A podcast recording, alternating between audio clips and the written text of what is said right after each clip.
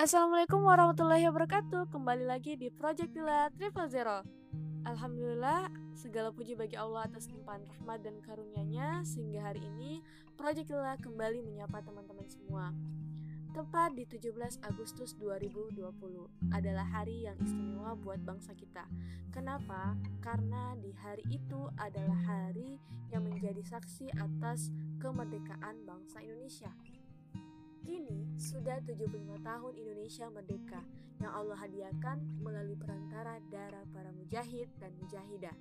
Teringat kembali bagaimana gemuruh hati tak kalah proklamasi dikumandangkan dengan gagah berani.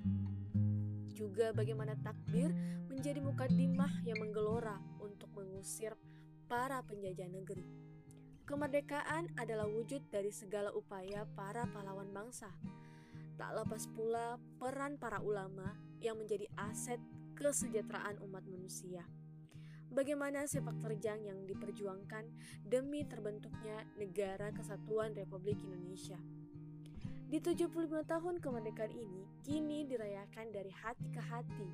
Jika biasanya dihafizkan dengan euforia 17-an, maka tahun ini mari kita jadikan perayaan kemerdekaan dengan penuh muhasabah diri Semoga kita bisa sama-sama mengerti dan memahami arti dari kemerdekaan itu sendiri.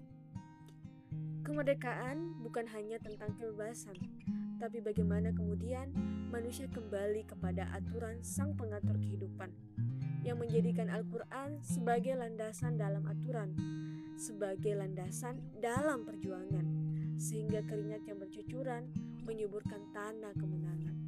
Saatnya kita menaikkan bait-bait syariah yang mengantarkan kita pada diksi kemenangan yang sebenarnya.